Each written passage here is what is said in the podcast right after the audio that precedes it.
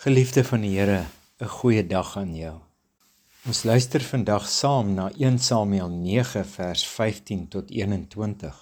Die Here het dit 'n dag voor die koms van Saul aan Samuel bekend gemaak en gesê: "Môre teen hierdie tyd sal ek 'n man uit die landstreek van Benjamin na jou stuur. Jy moet hom as 'n leier oor my volk Israel salf, sodat hy die volk kan verlos van die Filistyne." Want ek het my volk raak gesien. Ja, hulle hulp geroep het my bereik.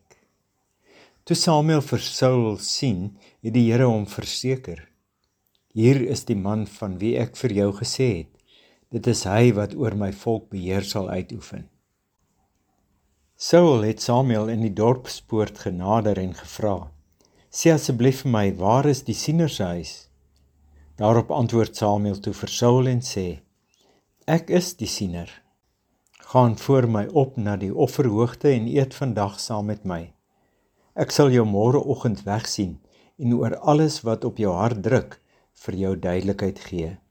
Wat die donkie merries betref waarna jy vandag 3 dae lank al op soek is, moet jou nie oor hulle bekommer nie, want hulle is gevind.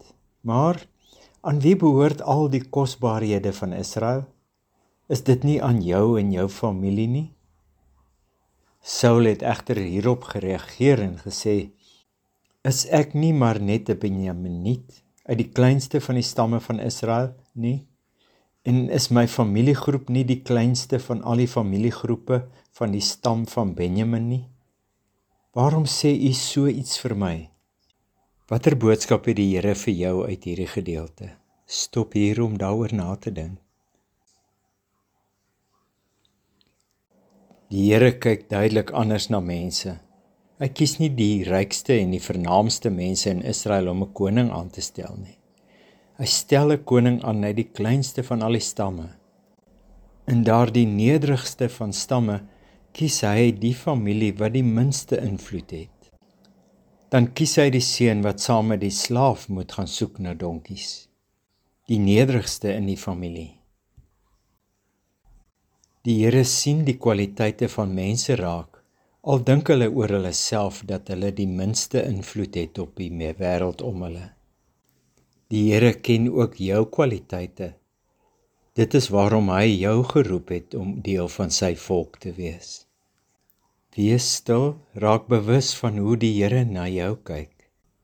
Kyk vir 'n oomblik ook so na jouself. Stop hier om dit te doen.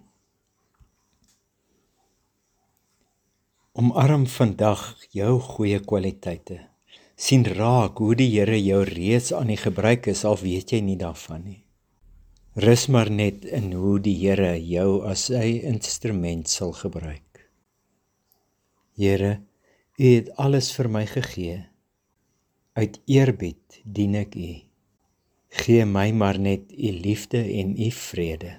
Dit is vir my genoeg.